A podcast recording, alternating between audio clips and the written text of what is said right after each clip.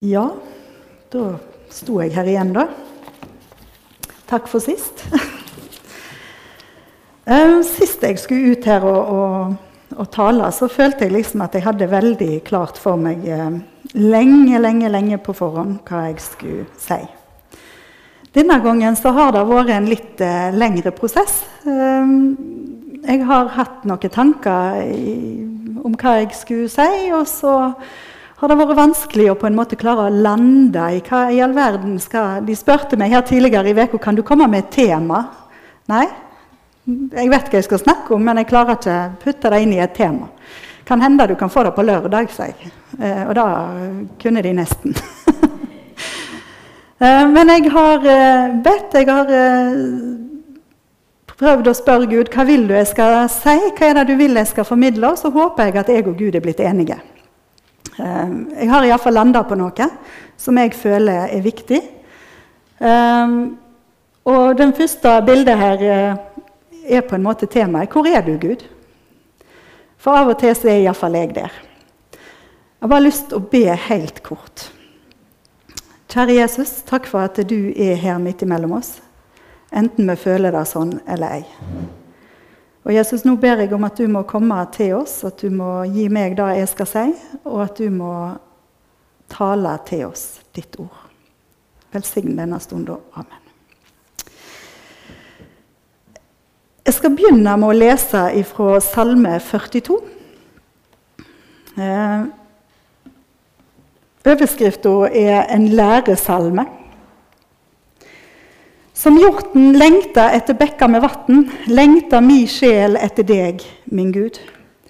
Mi sjel tørster etter Gud, etter den levende Gud. Når skal jeg få komme fram for Guds ansikt?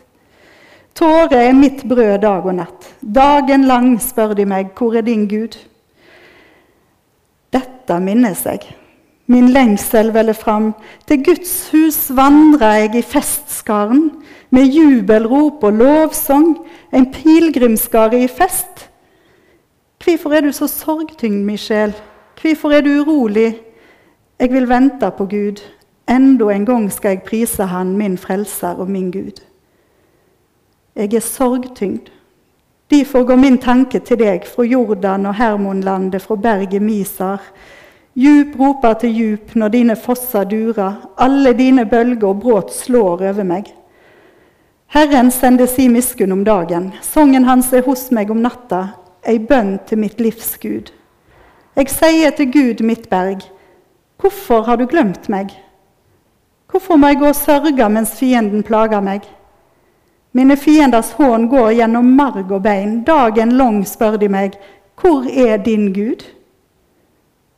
Hvorfor er du sorgtyngd, min? Hvorfor er du urolig? Jeg vil vente på Gud. Enda en gang skal jeg prise Han, min frelser og min Gud. Jeg har fått lånt en sånn trykkeduppeditt her. Jeg er veldig spent på hvordan det virker. Hva, hva knapp skal jeg trykke på? Først på på sida. Sånn. Og så er det den med pila. Ja, fantastisk. Sånn. Det var ikke den med pila, hvis du lurte på det. Min sjel tørster etter Gud, etter den levende Gud. Når skal jeg få komme fram for Guds ansikt? Jeg vet ikke om det har hendt at du har følt at Gud er langt vekke. At du har følt at han ikke bryr seg. At du har hatt denne bønnen i hjertet at jeg tøster etter deg, Gud. Jeg lengter etter å være nær deg og kjenne at du er nær meg. Når skal jeg få komme fram for ditt ansikt? Og så er det bare stillhet så er det ingenting. Hender det at du har det sånn? Hender det at du føler at han ikke bryr seg? Har du møtt vanskeligheter i livet som har fått deg til å stille spørsmålet har du glemt meg, Gud? Har du forlatt meg? Hvis du har opplevd det sånn, så er du ikke alene. Og I salmene så møter vi mange ganger det spørsmålet har du glemt meg, Gud? Til og med Jesus, når han hang på korset, ropte ut 'Min Gud, min Gud, hvorfor har du forlatt meg?'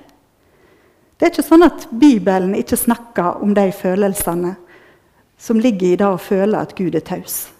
At han ikke er der. Av og til så blir smerten vår for stor. Livet blir for vanskelig. Og jeg verken kjenner at Gud er der, jeg kjenner ikke hans nærvær, og jeg ser han ikke. Og Da kan det være veldig fort gjort å tenke at det må være noe gale med meg. Det må være noe gale med trua mi når ikke jeg kan kjenne at Gud er der. Når jeg kan ha det sånn at jeg føler at Gud er langt vekke, da må det være noe gale med meg. Men det er ikke sant.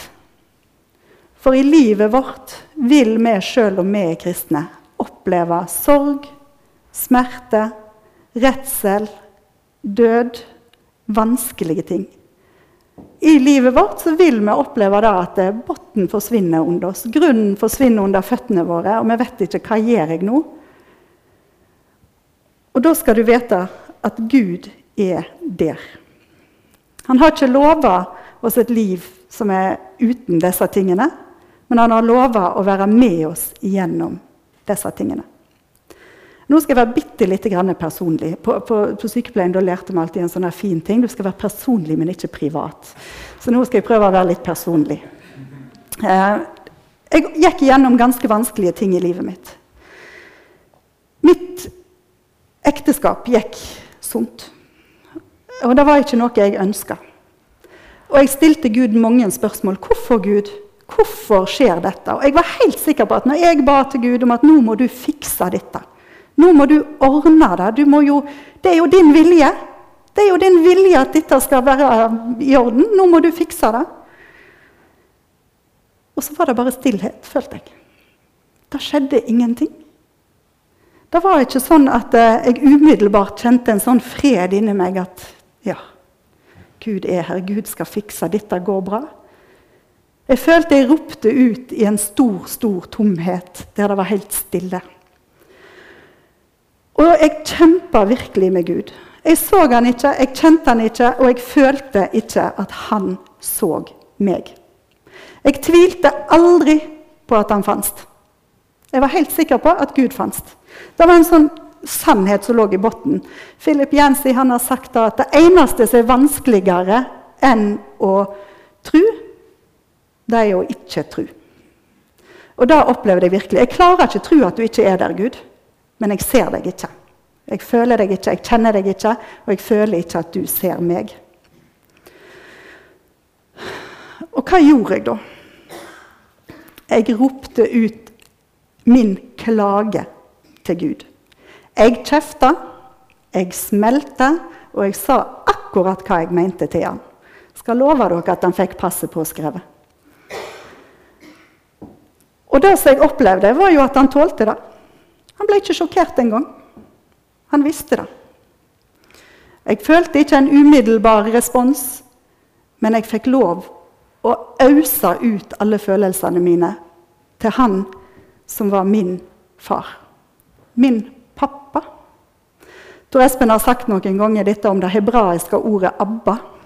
Og Hvis dere tror at det er sånn den gamle hebraiske i Bibelen, Abba-begrep Abba er det de sier i Israel på hebraisk til sin pappa. Når du går på gata, så hører du stadig vekk noen som roper 'Abba'. 'Pappa, se på meg'. Og jeg fikk lov å komme til min pappa med min smerte. Og Jeg vet ikke om dere, jeg, jeg har fire unger. Og jeg må bare innrømme at noen av dem blir av og til sinte. Jeg vet ikke, Det er mulig det er bare mine, men jeg har noen som av og til blir litt sinte. Og Da hender det at de blir så rasende på meg at de kommer til meg. og det, de renner ut både det ene og det andre av hva de tenker og mener og tror og føler om både meg og andre ting. Og det eneste jeg kan gjøre når de har det vondt, er å holde dem fast og så kan jeg si noe om at jeg hører hva du sier. Jeg kan ikke ta vekk smerten din, men jeg hører deg, og jeg elsker deg uansett. Og det fikk jeg oppleve med min pappa. Han kunne ikke der og da ta vekk alt som var vondt. Han gjorde ikke det. Men selv om jeg ikke følte det sånn der og da, så ser jeg jo etterpå at han var der, og han hørte meg. Og jeg fikk lov å komme med det som var vanskelig og vondt. Og Bibelen viser oss faktisk at dette er lov. Det er et helt eget språk i Bibelen for det å klage til Gud. Det er faktisk en hel bok i Bibelen som heter 'Klagesangene'. Jeg vet ikke om du har tenkt over det? Og i salmene så fins det masse En tredjedel av salmene er klagesalmer. Der forfatteren kommer til Gud med sin smerte, sine spørsmål, sine vanskeligheter, og legger de fram for Gud. Og så hørte jeg nett en tale. Eh, Kristin hun sender meg av og til noen taler. Hun sendte meg en knakende god en her en dag. Eh, og Der det, snakket han om klage. Og han definerte klagesang sånn. En klagesang er ei bønn i smerte som leder til tillit. Vi tar sorgen og smerten vår, det som er vondt og vanskelig, til Gud i tillit til at han hører oss, og at han vet om det, og han vil være med oss, sjøl om vi ikke akkurat føler det. Og Det er mange eksempel på dette i salmene. Jeg skal lese til dere salme 13. Hvor lenge, Herre, vil du glemme meg for alltid? Jeg tar det litt sånn på dialekt, for jeg, jeg så, når jeg snakker, så er det ikke kav nynorsk. Jeg skal love å ikke legge andre ting i det enn det som står. Hvor lenge vil du gjemme ansiktet ditt for meg? Hvor lenge skal jeg ha uro i sjela og sorg i hjertet dagen lang? Hvor lenge skal fienden ha makt over meg? Se meg, svar meg, Herre min Gud. Gi øynene mine lys så jeg ikke sovner inn i døden. Så fienden min ikke sier 'jeg har vunnet over den', og mine motstandere ikke jubler når jeg vakler.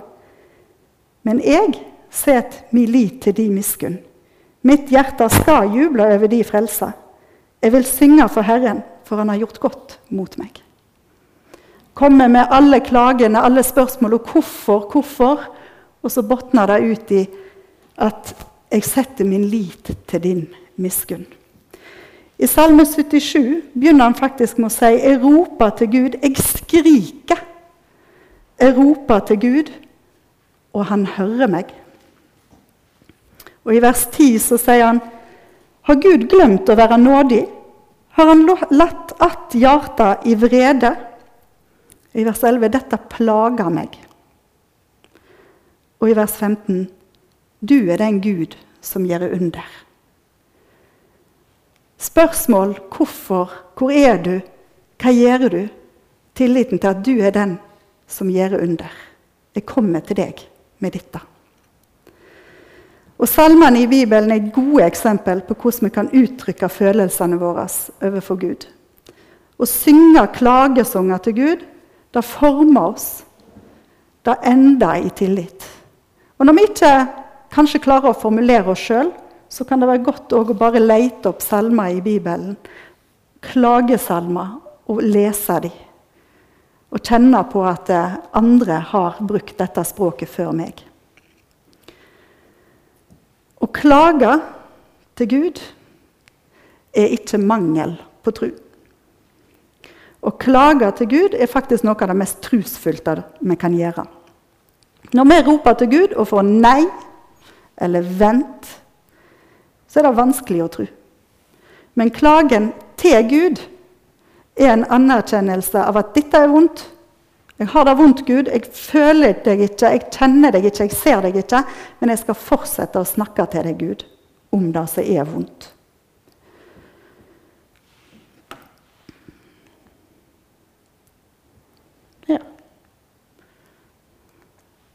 Å klage er å snakke til Gud om smerten. I dag jeg roper ut min klage til Gud, anerkjenner jeg at han er der, og at jeg tror. Og Gud han vil at vi skal snakke til han om dette. I 1. Peter 5,7 så sier, eh, sier, Paulus Kast all dykker uro på han. Ja, gått fort i svingen. Han har omsorg, skal det stå med O. omsorg for dykk. Gud har omsorg for oss. Han ønsker at vi skal komme til han med alle våre ting. For han vil ha hele oss på godt og vondt. Han elsker oss så høyt at han gikk i døden for oss. Og han vet om alle våre hvorfor. Det er ikke sånn at når vi kommer til han med det, så blir han veldig overraska. Det har jeg aldri tenkt på. Han vet det jo før vi ber så vet han om alle de følelsene vi har. Han vet om alle de spørsmålene våre. Og på samme måte som jeg holder min, mitt barn, så holder han oss og tar imot oss og elsker oss. Og det jeg syns er fantastisk, er at hans kjærlighet er ikke avhengig av mine følelser. Når jeg gikk på bibelskolen, så lærte vi en hel del.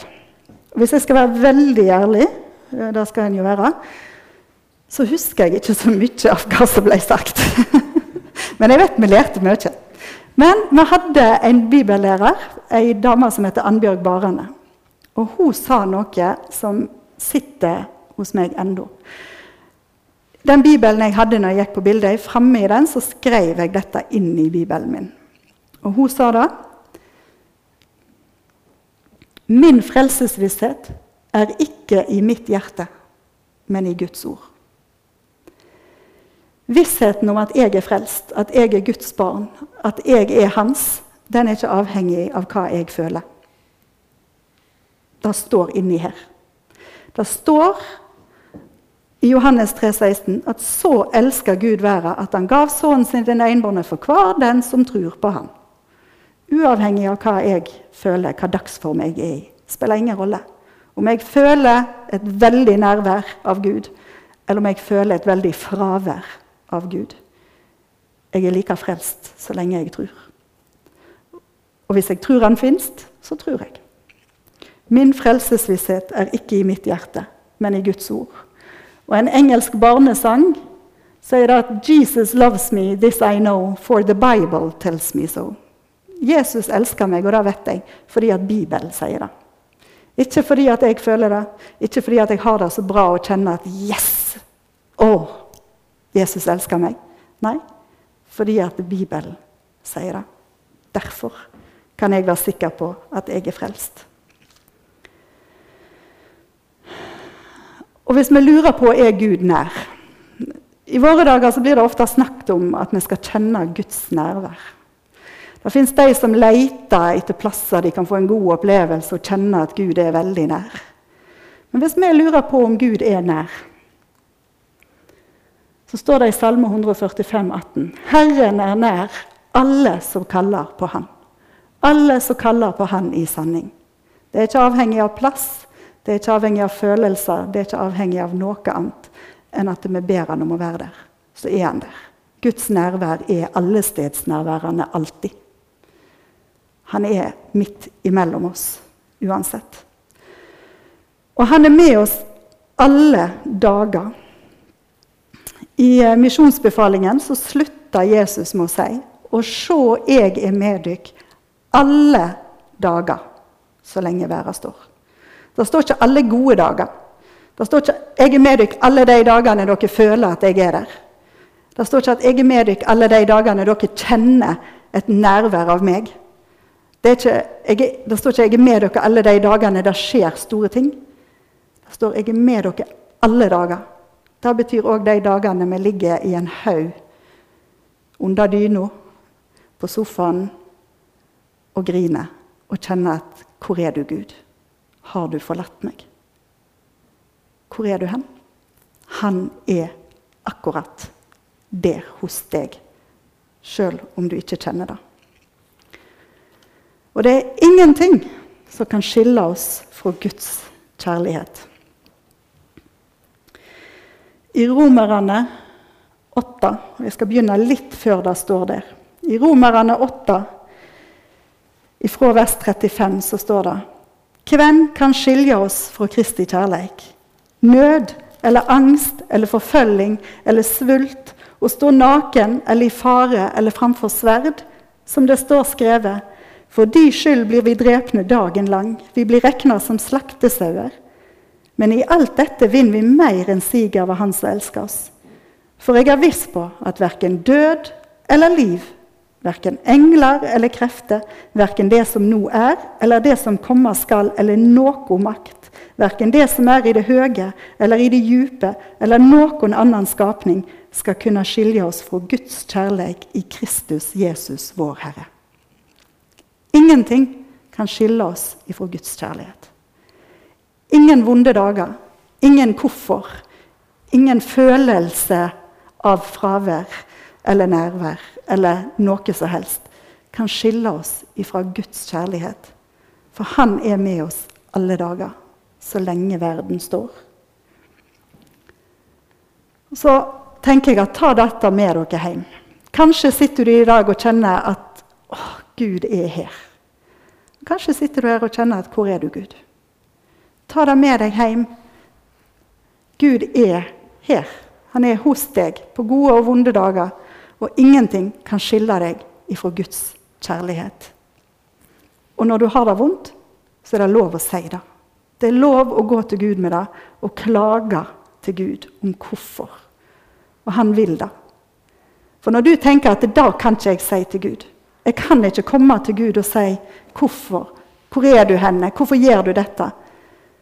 Da tror jeg at det er en som sitter på skuldra di og prøver å hindre deg i å bringe din smerte til Gud. Han prøver å stenge veien mellom deg og Gud. Gud ønsker å ha smerten din likså vel som gleden din. Ingenting kan skille deg fra Guds kjærlighet. Det er en sang som jeg er veldig glad i. Har vært glad i den i mange, mange, mange år.